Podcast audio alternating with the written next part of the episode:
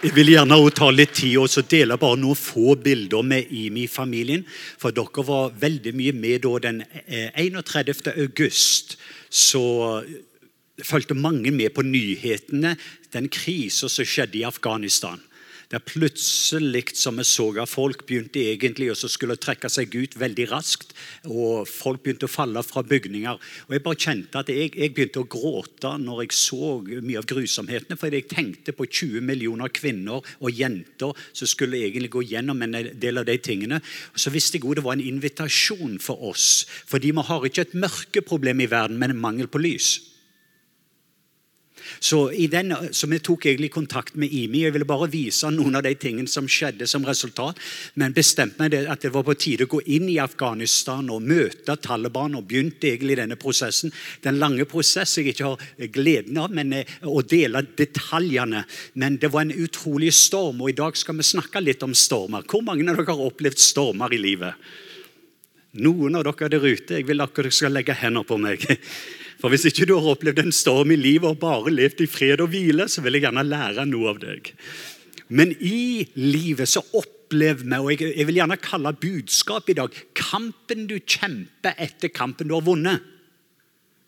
Og Noen ganger er det en, en, kamp som du må kjempe etter du har hatt et gjennombrudd. Du har gjerne fått et ord, du har gjerne fått et løfte. Og mellom, som jeg sier, eh, det ordet du har fått og før du kommer på den andre sida, er det ofte en del stormer. Og De fleste av oss har opplevd at vi har vært i en toårs stormperiode. Og Stormene er ikke helt over ennå. og Det har ikke så veldig mye bare med covid å gjøre, men det er globale stormer som skjer, som påvirker hele verden akkurat nå. Og Det er veldig viktig for oss som Guds folk å kunne svare på tre spørsmål i denne perioden. Så hvis du skriver tar notater, så er det veldig viktig for å hjelpe deg å navigere gjennom denne perioden. Spørsmål nummer én. Hva tid lever vi i? Og Da spør jeg ikke etter klokka at nå er klokka, skal vi se nå er klokka tolv. Nei, da snakker jeg egentlig hva er det Guds tidstabell. Hva tid er det vi lever i?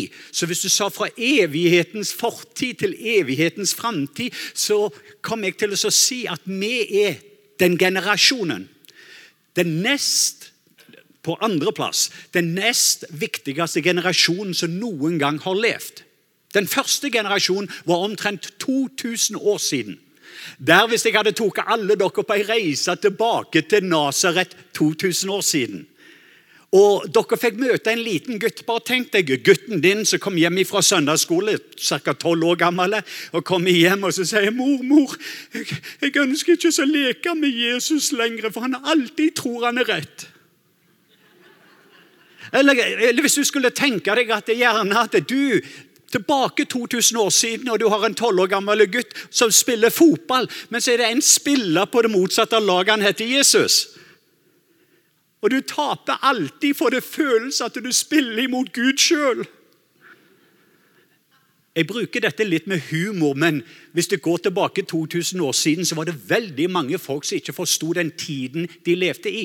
Og det jeg opplever nå globalt sett, at det er veldig mange troende forstår ikke det vi kaller i kairos moment. Det er flere greske ord som beskriver. Den ene har dette med kronos, så har vi klokkeslett her. Men når det gjelder Guds tidstabell, så lever vi i en veldig spennende tid. Og det er veldig viktig for oss å forstå den tiden man lever i. Nummer to hva er det egentlig Gud gjør i vår generasjon? Du må svare det veldig klart. Hva tid lever man i, og hva er det egentlig Gud gjør? Og Jeg har hørt veldig mange folk som snakker om det Gud ikke gjør. Fordi de vet ikke om det som Gud gjør. Det er mange som er distrahert av de tingene som Gud ikke gjør, for de ikke klarer å se det Gud gjør. Og Da blir det ofte til at man begynner å be velsigne det vi gjør, istedenfor å gjøre det Gud velsigner. Kan jeg si det en gang til? Det som blir tendensen vår, det er egentlig at vi begynner å skal be Gud velsigne det vi gjør, istedenfor å få lov til å gjøre det Gud velsigner. Hvis man ikke egentlig vet hva Gud gjør. Og Jesus, alt det han gjorde, det han så sin far gjøre. Han sa det han hørte sin far si. Han var veldig trygge oppi alt det som foregikk. Og Det tredje spørsmålet da, når du vet hva Gud holder på med i den tiden man lever i, og du får lov til å være med på laget Gud kunne gjort det sjøl, men har valgt egentlig å gjøre det gjennom sønner og døtre, gjennom sin familie, gjennom sin menighet. Og Da er det egentlig gratulerer med dagen. Da har du muligheten å stå opp om morgenen og finne ut hva er din plass. Og det er det tredje spørsmålet. Hva er min plass i det som Gud gjør? Og Hvis du er en skolelærer, så vil du si 'Å, takk Gud, det er mandag'. Og Du får lov til å gå inn i klasserommet og du får lov til egentlig å representere Gud i det klasserommet. Og ha en innflytelse på noen og 20 elever i løpet av den perioden. Og Er du en sykepleier, så sier du 'takk Gud' når du går på jobben. Og uansett hva man gjør, når du forstår den tid man lever i, når du forstår det Gud gjør istedenfor Gud ikke gjør, og spesielt ikke det fienden gjør. For vi representerer en god nyhet. Evangeliet er den gode nyheten, og det er veldig mye dårlige nyheter der ute. Men vi får lov til å representere evangeliet som en god nyhet oppi alt det dårlige og det vonde. Og det tredje spørsmålet hva er min plass? Lille Leif Hetland, hva er hans plass som en del av Guds store bilde? Å stå opp om morgenen med en guddommelig hensikt. Wow! Livet er ikke lett, men Gud er god. Og jeg lever med veldig sånne enkle ting. At jeg vil at alle i verden skal, skal få oppleve hvor god Gud er, og hvor elska de er. Det er livsmottoet mitt. Jeg står opp hver eneste morgen med denne tankegangen. Jeg vil at alle muslimer, 1,6 milliarder muslimer skal få oppleve hvor god Gud er, og hvor elska de er. Jeg vil alle skal få oppleve en Gud som ligner på Jesus. Fordi Jesus er perfekt teologi. Jesus så har du sett meg, så har du sett far. Og Det er så utrolig mange nordmenn som ennå ikke har fått oppleve hvor god Gud er, og hvor elska de er. Og Der har vi en oppgave egentlig, å få lov til egentlig først å få erfare. Frem til jeg har erfart dette, så kan ikke jeg ta dette til den muslimske verden. Og Så fikk jeg en overraskelse. Jeg fikk et brev fra presidenten av Pakistan til å komme til Islamabad den 24. november. Så jeg ville bare vise et par bilder, og så skal jeg gå inn i teksten. Så Det første bildet, hvis du kan vise det bildet eh, til høyre av meg så er det presidenten av Pakistan, det toppmuslimske lederen, finansministeren og 450 toppledere fra rundt omkring fra Saudi-Arabia. Der var det norske ambassaden, ambassadøren, han er fra Stavanger. Det visste jeg ikke. Han sitter litt lenger bak. Og Han kom opp til meg. 'Hvem er du?' sa han. Fordi jeg, jeg fikk den internasjonale fredsprisen av presidenten. Så bare se det neste. Det neste bildet her skal vi få se her. Jeg bare vil vise noen av de bildene. Skal vi se. Så der er det egentlig dere får det, og, og på dette, denne internasjonale fredsprisen av presidenten, det var litt moro, for det står på det eh, som kjærlighetens ambassadør. Det, det står der at her, Dr. Leif Hetland, the ambassador of love. Kjærlighetens ambassadør. Så her har vi muligheten for å representere kongenes konge som en kjærlighetens ambassadør. Og så Den norske ambassadøren som er i Islamabad, en del andre EU og andre ambassadører etterpå. Vi hadde litt sånn middag, og De kom opp, han ga kortet mitt og sa du må komme på ambassaden. Vi trenger å snakke litt. For De lurte på hva er det som gjør at disse sjiamuslimene som ikke vil ha noe med sunni, det at jeg gir de klemmer og kyss så ikke du kan gjøre. Og statlige ledere, hva er det egentlig som skjer i dette her? Og Det var en ganske sånn spennende tid. og Da var det egentlig at det plutselig nyhetskanalen kom, og så sier de 'Hvem er du? Hvem er denne kjærlighetens ambassadør?' Og Så var jeg glad at jeg slapp å si noe, for den toppmuslimske lederen fra Pakistan han kom inn. Og Så sier han jo han er den norske ambassadøren, det er den tyske ambassadøren. og Han pekte på han fra Saudi-Arabia. Men Leif Hetland han er kjærlighetens ambassadør. Han er ambassadøren for hele verden.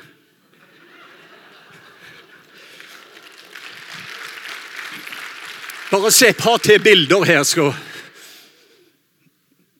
Og Dette syns jeg er wow. Eh, seks år siden så kom jeg inn på dette området. Eh, og det var egentlig at Ingen jenter fikk lov til å gå på skole men rett med India-grensa. Og så var det så mye undertrykkelse av jenter og damer i det området.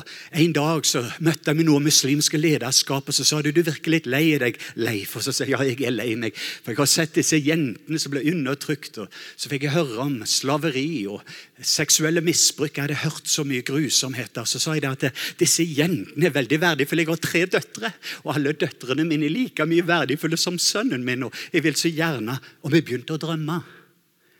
Og så nå Seks år etterpå så nå har vi, og Det var så fantastisk når jeg kom disse jentene. De er alle med på skolen. Men der hadde jeg opp oppe på scenen så står de den ene etter den andre, til og med både på engelsk og urdu og forskjellige språk. Nå plutselig så ser vi disse jentene som reiser seg opp, som begynner å finne sin stemme og finne sin frihet. Og atmosfæren begynte å forandre seg. Og for å være med der både i åpningen av skolen, og så har jeg egentlig en del av min litteratur, kjærlighetslitteratur, som blir undervist på muslimske skolene. Wow! Så den atmosfæren som begynte å forandre seg, så hadde jeg et helbredelsesmøte i moskeen etterpå. Og det er en veldig fin ting. Ok, La oss få se det neste bildet. Eh, etter bildet, så her, Rollen av åndelighet. når vi var der. Her møter jeg, Nå reiser jeg til Afghanistan og møte noen av afghanlederne. La oss bare gå inn på det neste, for Vi vil gjerne møte noen av flyktningene. og Nå møter vi noen av afghanske det er pashtun. Taliban er lagt, lagt av pashtun. Det er den etniske gruppa deres. Og jeg visste Da jeg så på TV Taliban og alt dette, så visste jeg at jeg trenger å få møte disse personene. De har ennå ikke fått oppleve hvor god Gud er, hvor elska de er. De har aldri fått oppleve oppleve kjærlighetens språk, som er det språket som blinde øyne kan se og døve øre kan høre. Og De var så, de var i sånn et mørke, men de har aldri fått oppleve lys. Og Da bestemte man for å gå inn der igjen, få lov til å vise noe av kjærligheten. og så var dere her i IMI med. Vi hadde 10 000 kilo med mat og medisiner til flyktningene så hadde nettopp kommet over grensa til Pakistan.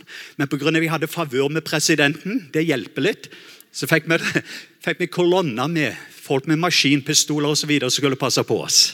Så det ble veldig trygt å gi ut mat. Ett til bilde tror jeg så har vi. Jeg føler det var, eh, ja, Dere besøker Minhaj Koran på universitetet, og da var jeg professor på sharia law. Og Folk spør hva gjør du som professor på sharia law. Så sier de at det, Den ene professoren han snakker om, om kjærligheten til loven, som er sharia. Men jeg snakker om kjærlighetens lov. Så hvilken er sterkeste? Er det egentlig å ha en kjærlighet og lov eller, loven, eller kjærlighetens lov? Og så fikk jeg undervise det til de som skal lede både i Norge, islam i Norge. De ble reist opp her til de som skal være imamer og lede moskeer rundt omkring. og Fikk være med der og både be for folk og være med. Hvert eneste år så reiser jeg der og Indonesia og andre plasser. Og vi underviser de som skal bli de fremtidige lederne i islam. Et til bilde for, Jeg følte også sjiamuslimene er veldig viktige. og Det er den iranske grupperingen. Og, ja, dette er på min hajj med noen av de som underviser. Men et til bilde her, og så skal vi gå inn i teksten. Ja, dette, han er leder for det politiske, sjiapolitiske Eh, partiet, det politiske partiet. og Jeg møtte både religiøse lederne, men jeg vil bare dele lite vitnesbyrd om dette. og Grunnen jeg bruker dette, det var disse stormene. Med en gang jeg valgte å si ja til det Gud ønskte, så var det all den kamp. Det var disse stormene som prøver å stoppe deg å komme på den andre sida. Jeg har ikke anledning og tid å gå gjennom all kampen som gikk ifra ja, måneder etter måneder med kamp. Det var fysisk, det var psykisk og det var åndelig kamp før du kommer på den andre sida. Og Vi skal snakke litt om det i dag. Men det som skjedde egentlig til slutt når vi kom inn og Jeg vet ikke om det var ett til bilde her av sjiamuslimene. Men når vi kom inn der og ett til, ja, da gir jeg en bok og helbreder den farløse ånd til ledelse. Men det, det, som begynte å skje, så plutselig så begynner jeg å oppleve Jesu nærvær som er til stede. Da sitter jeg med disse ledere, sjiamuslimske ledere, både politisk og religiøs. Og så plutselig så kjenner jeg Den hellige ånd begynner å si at det, det er en person her som har ei skulder, og han har ikke klart å bevege skulderen på to år pga. en operasjon. Problemet du har, det er ikke sånn som på IMI at du kan bare si det hvis du har et kunnskapsord. Fordi at Mohammed er den siste profet, og han var den siste som kunne snakke fra Gud. Så du har et egentlig dilemma. Så Hvis du sier det, så sier du du er en profet. Hvordan vet du disse tingene? Så du prøvde egentlig å finne ut, men så likevel så kjenner du at Guds ånd prøver bare å dele noe som Jesus ønsker for herliggjort. For å gjøre denne historien ganske kort, så var det plutselig ingen som sa noen ting. Jeg sa jeg bare føler var det en som hadde en operasjon. Og så fikk jeg nok favør med lederen til å stille spørsmålet, men ingen svarte. Så tenkte jeg jeg tabba meg gjerne litt ut her. For, for, Vi snakker politiske ting, religiøse ting, og så begynner jeg å si er det noe med skulder. Så Alle så på meg rart. Så i neste øyeblikk så, så jeg rundt i rommet, ingen sa noen ting. Så tenkte jeg ok, det var iallfall lydige. Men så følte jeg Det hellige ånd igjen sa hei, det er han. Så ser jeg denne karen med svart skjegg. Og så tenkte jeg den personen ser ikke ut som veldig åpen. Men så sto jeg opp av stolen min, så gikk jeg bort til han og sa er du personen? Du hadde operasjon to år siden, og du kan ikke løfte skuldra. Og Så ser jeg rundt i rommet og så ser han på lederne da på sjiamuslimene, og så til slutt så nikker han på hodet. og Da visste jeg det var min anledning. Jeg er vise nok, så sa jeg i navnet Jesus. Det var den sangen vi begynte å synge. Og det er kraft i navnet Jesus. Jeg sa i navnet Jesus Kristus. Og så tar jeg bort det. Bli frisk. Og så løfter han opp skuldra foran alle og blir totalt helbredet. Og Så var det neste person, og så var det neste person, og så begynte det å flyte og spre seg rundt. Og dette Jesus-viruset begynte å spre seg rundt i rommet. Og ingen immunforsvar kunne stoppe det, helt til ledelsen. Han chairman sjøl fikk oppleve Og det er litt av mitt hjerte for oss alle. Jeg er bare en vanlig nordmann fra Vestlandet som har en stor Gud. Og Jeg ønsker vi skal åpne Bibelen. Jeg ville bare takke Imi familien for å være en del. Det var så mange andre ting jeg kunne vist angående dette. Men eh, Gud gjør store ting i verden. Og Noen ganger så hører vi alt det fienden gjør, så får vi ikke høre det Gud gjør. Derfor vil jeg bruke noen minutter egentlig bare å peke litt på hva Jesus kan gjøre. Både via å bruke vanlige personer, sånn som du og meg. Hvis man egentlig begynner bare å vise litt kjærlighet overfor menneskene. Og ikke ser terroristen Saulus, men vi ser apostelen Paulus. Vi behandler ikke mennesker som de er, men hvordan de skal bli. You don't treat people based upon their history, but their destiny. Og Når du ser personer og du begynner å behandle personer ut ifra hvordan de er, og du begynner egentlig, uansett Når du begynner å tale kjærlighetens språk, så er det utrolig å se de blinde øynene som åpner seg opp, og døve, døve ører begynner å høre det. Og Guds atmosfære begynner å forandre det. Nå har jeg blitt invitert både å reise inn til Iran og Irak med ledelse, Shia-ledelsen. Og det, det Neste dag du fikk ikke se det, så kom de med damene, så helt umulig. For damene får ikke lov til å være rundt oss. Men jeg fikk lov til å be, så kan jeg til og med ta borti hodeplagget deres. Helt umulig, du får ikke lov til å gjøre det, men jeg fikk lov. Og Det heter med favør med Gud og favør med mennesker. Og Det er det Gud ønsker for hver enkelt av at vi kan få lov til å vokse i favør og Det er egentlig når man elsker mennesker uten noen agenda. Så Jeg vil gjerne bare prøve å hjelpe oss med litt språk i dag for oss å hjelpe oss å navigere. Så Hvis du har Bibelen med Disse versene fikk jeg nå 1. januar. Bare gi litt av bakgrunnen. De siste to årene Hvor mange av dere som har, har slitt i de siste to årene? La oss ha litt ærlighetsteologi. Jeg sa ikke herlighetsteologi, men ærlighetsteologi. Det var Noen som spurte meg så sa Leif, hvordan har de siste to årene vært for deg. Så sa jeg de har vært de mørkeste og de lyseste. Det har vært det verste og det beste. Jeg har både opplevd langfredag og søndag samtidig. Og så lang lørdag mellom fredag og søndag. Jeg, jeg, jeg har opplevd noe av de største smertene. To ganger jeg har hatt covid, tre vaksiner, gått inn i noen av de mørkeste områdene, men jeg har mista noen av de som jeg er veldig glad i.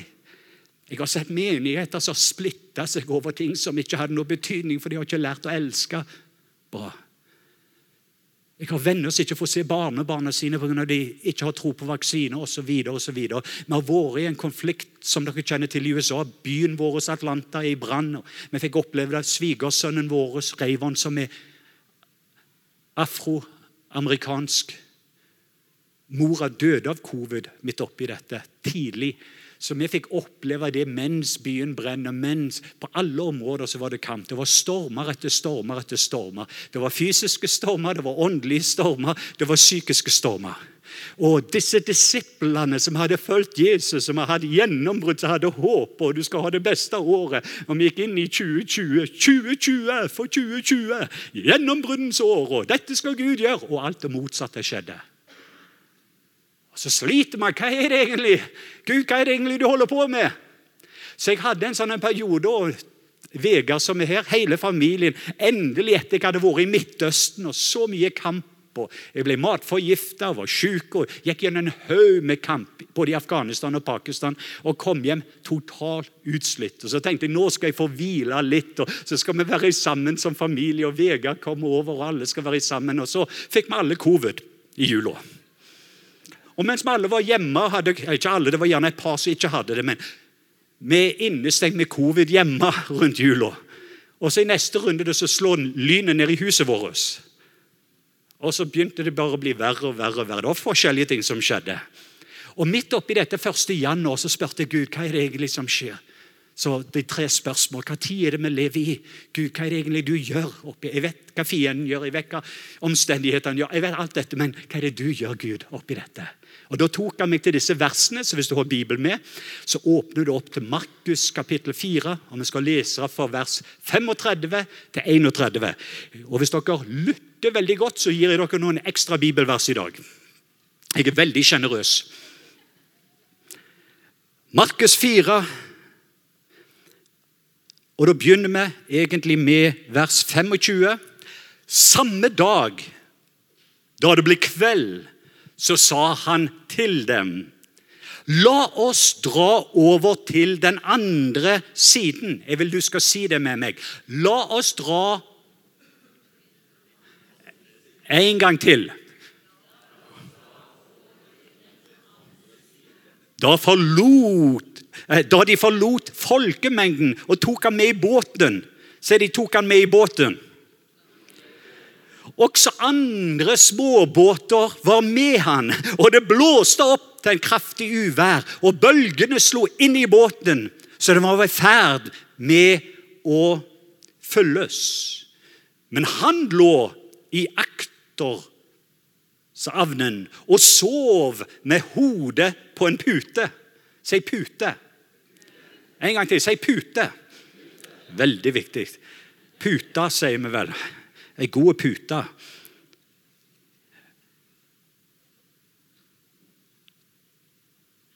De vekket ham opp og sa til ham, 'Mester, bryr du deg ikke om oss, at vi går unna?'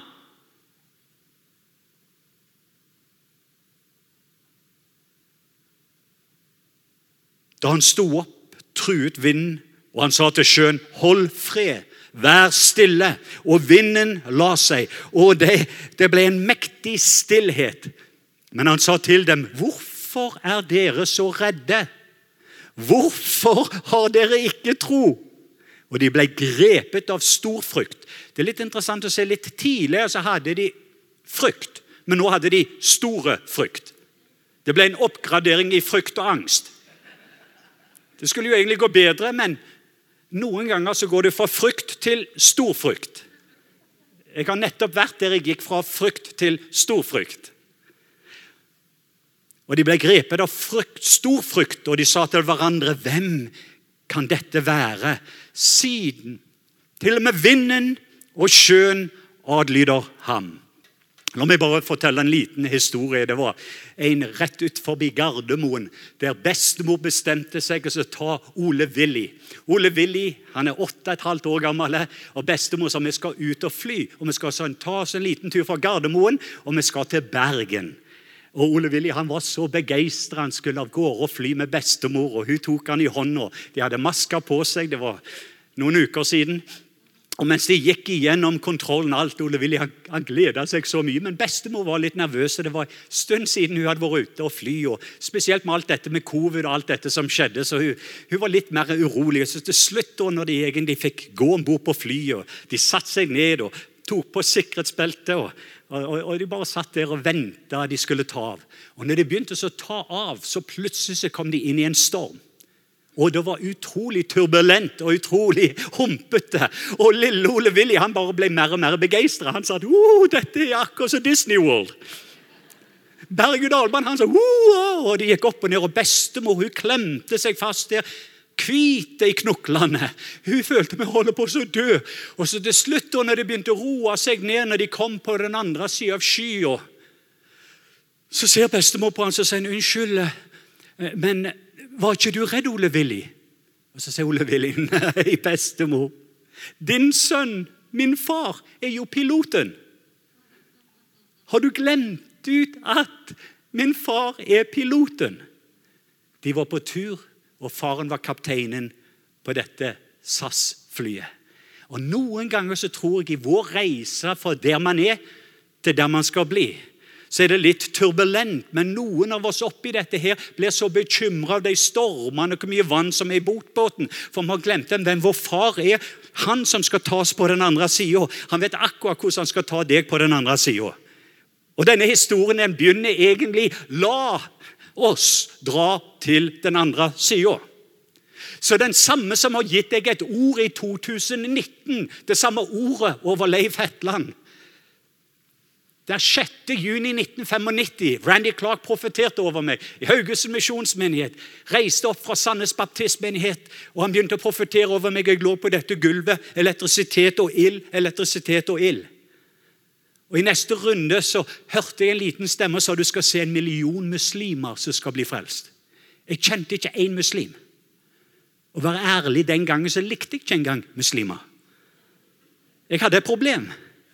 Og Så kom jeg til Sandveparken, der det var en som het Peter Herms, som tolka. og Jeg skulle tolke for han, fra Holland, med ungdom i oppdrag. Og Så stopper han og sier du skal være en bulldoser. sier han. Akkurat det Randy Clark hadde sagt. 14 dager etterpå.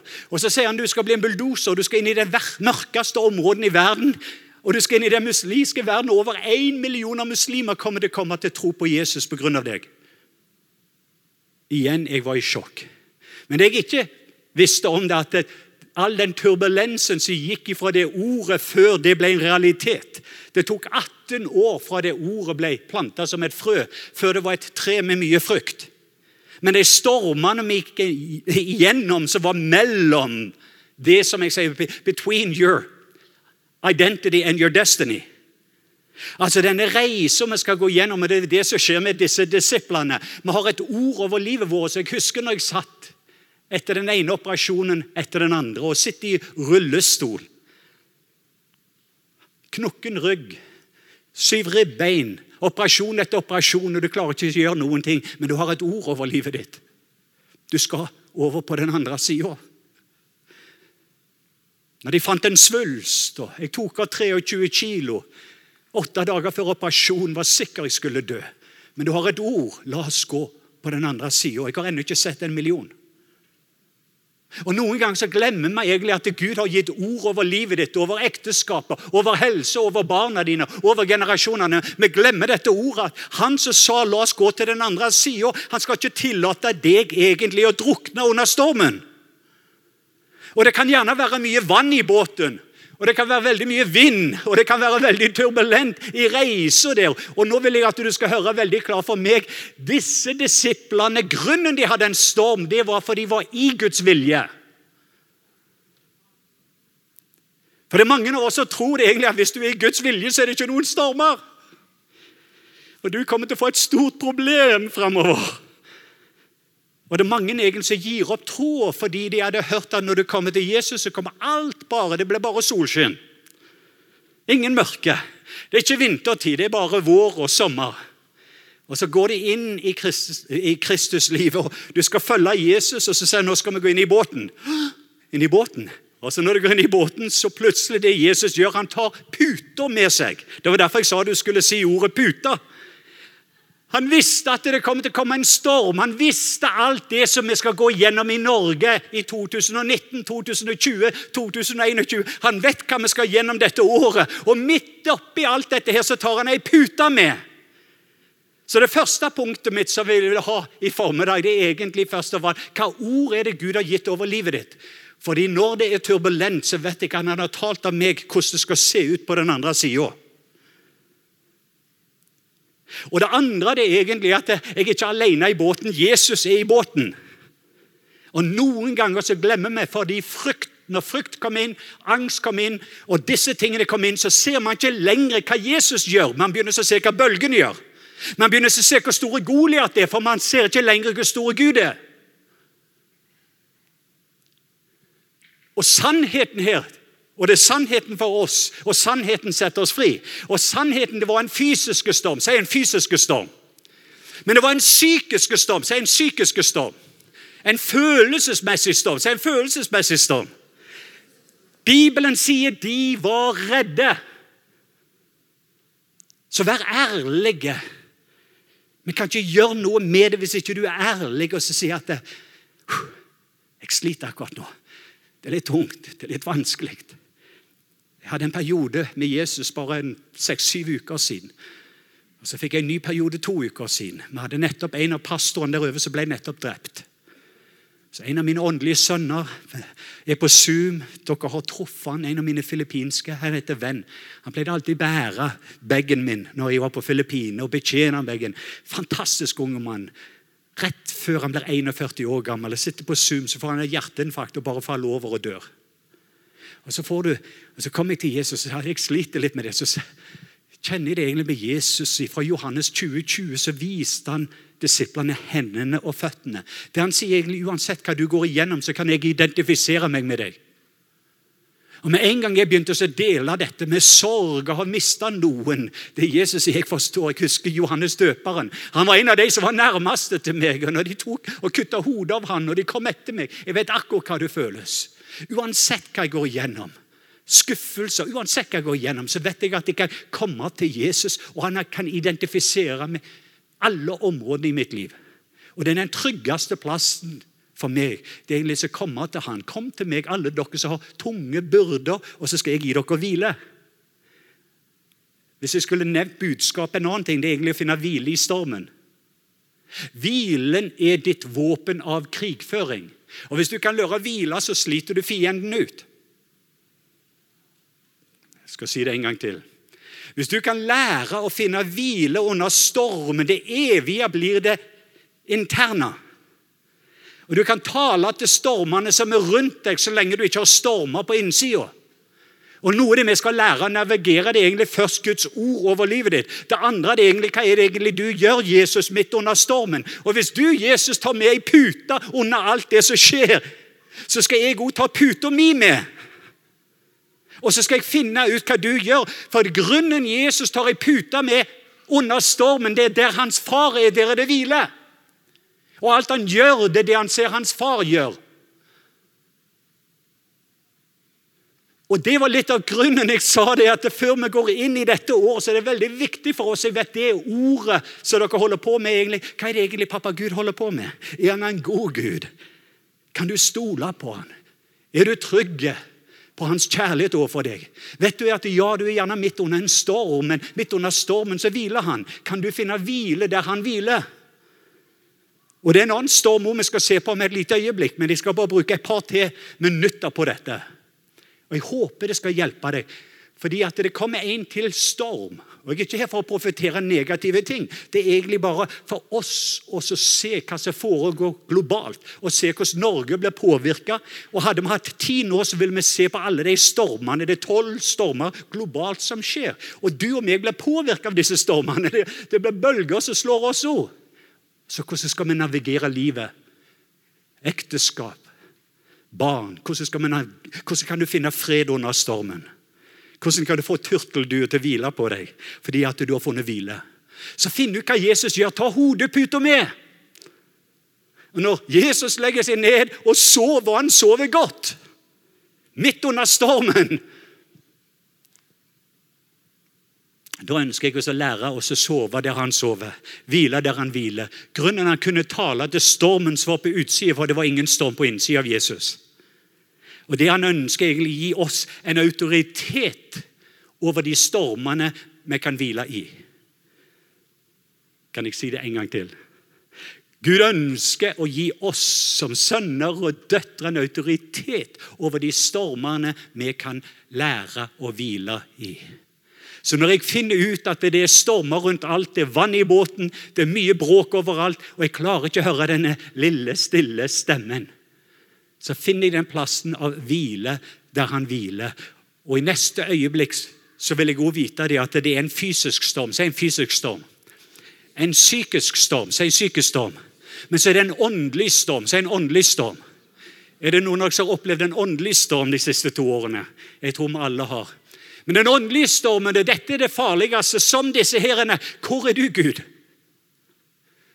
Kreftdiagnose. Hvor er du, Gud?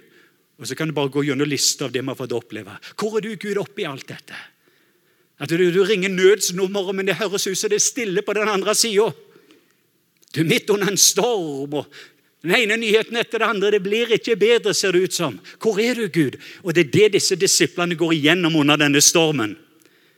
I det øyeblikket som jeg sier at de Jesus, du, du ser ikke ut som du bryr deg om ham. vi er fisk, fiskere. Vi er vant med store sjø. Vi kom nettopp over Buknafjorden, og det var litt bølger. Men denne stormen holder på å ta knekken på dem, og de er fulle av frykt. Og Så vekker de Jesus opp. 'Jesus, bryr du deg ikke?' Fikk diagnosen. 'Bryr du deg ikke?' Ekte. Skapet ser ut som ryker. 'Bryr du deg ikke?' Folk forråder deg, og så kan du bare gå lista di. Så det vil du skal gjøre praktisk sett med dette budskapet. Først og fremst, Begynn å skrive ned noen av de fysiske stormene du er i.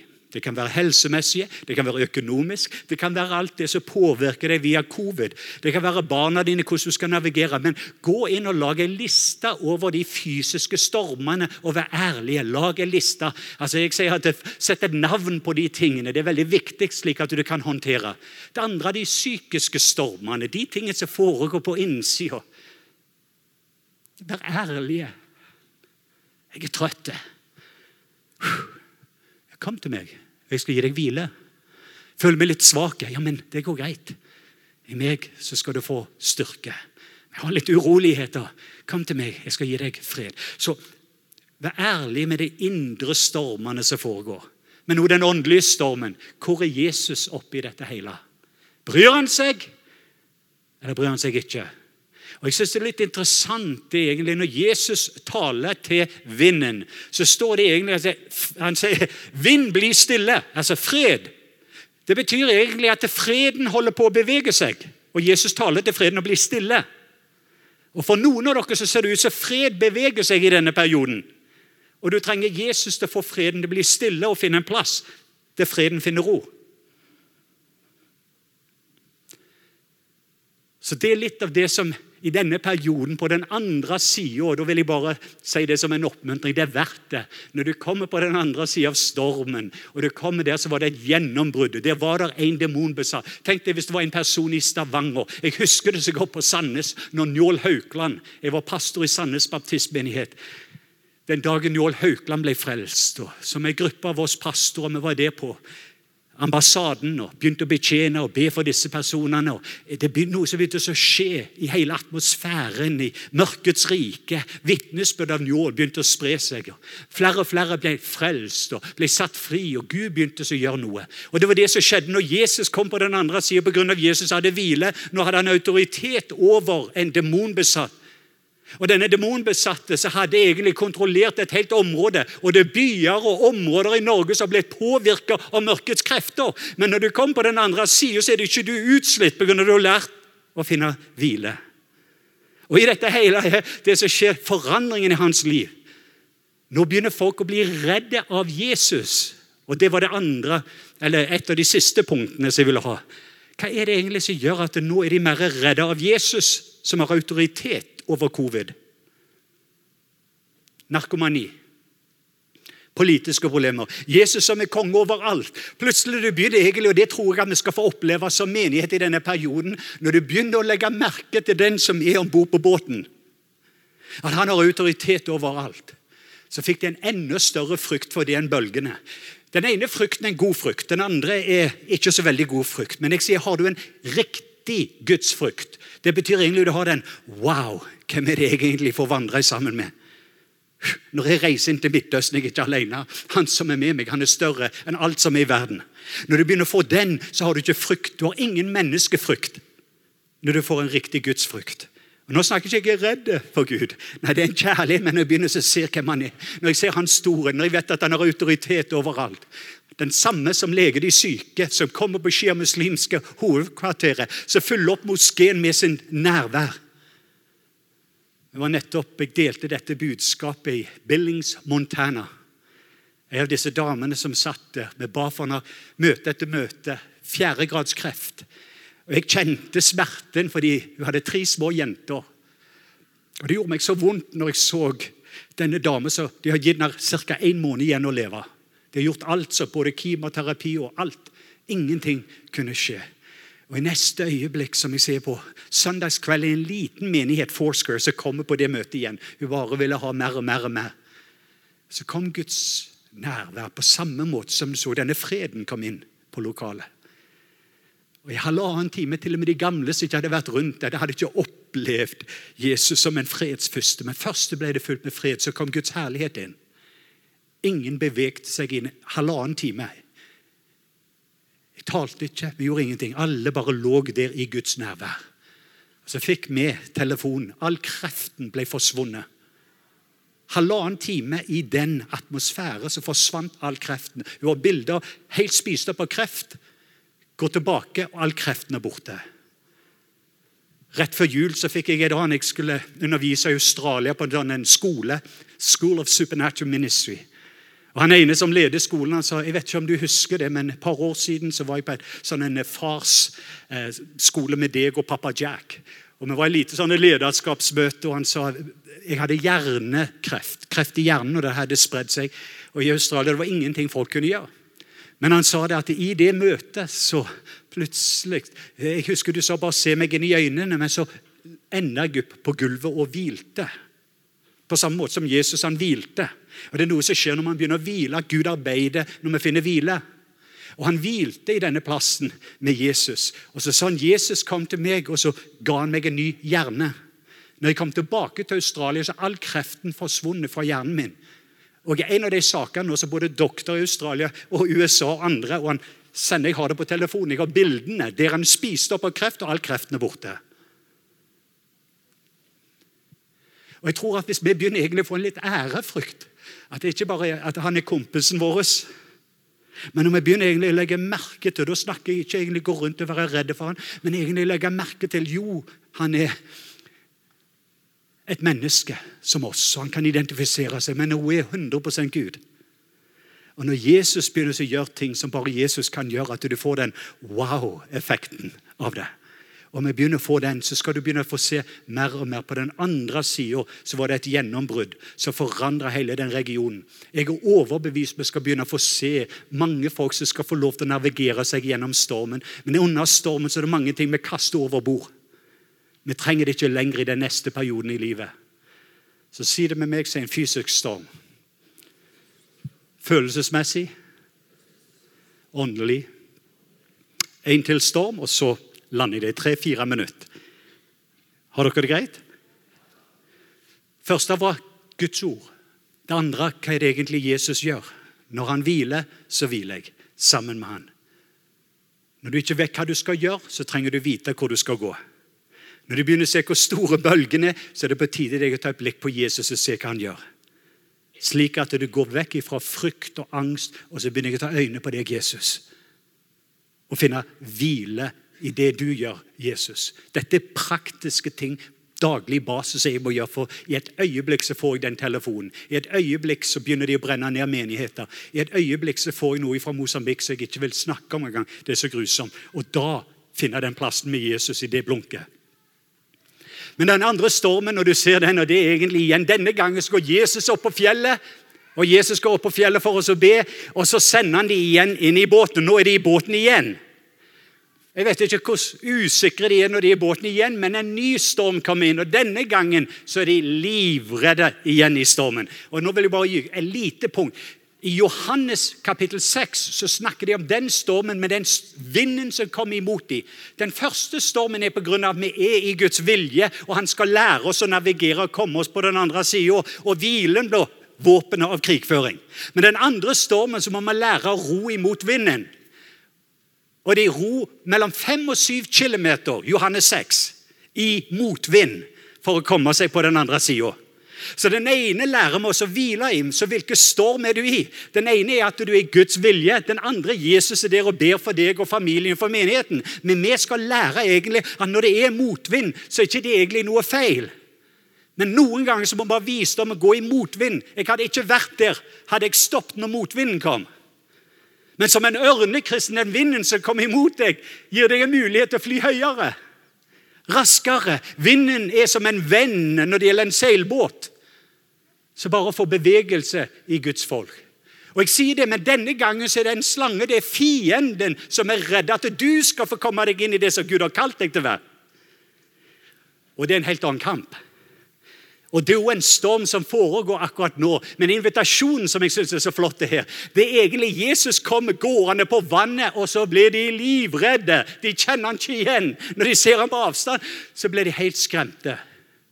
Men det jeg synes er så flott, det er egentlig midt under alt dette her, så Jesus sier at hei, ikke vær redde. Og så sier Peter, hvis det er deg, hvis det er deg, kan ikke du si 'kom'?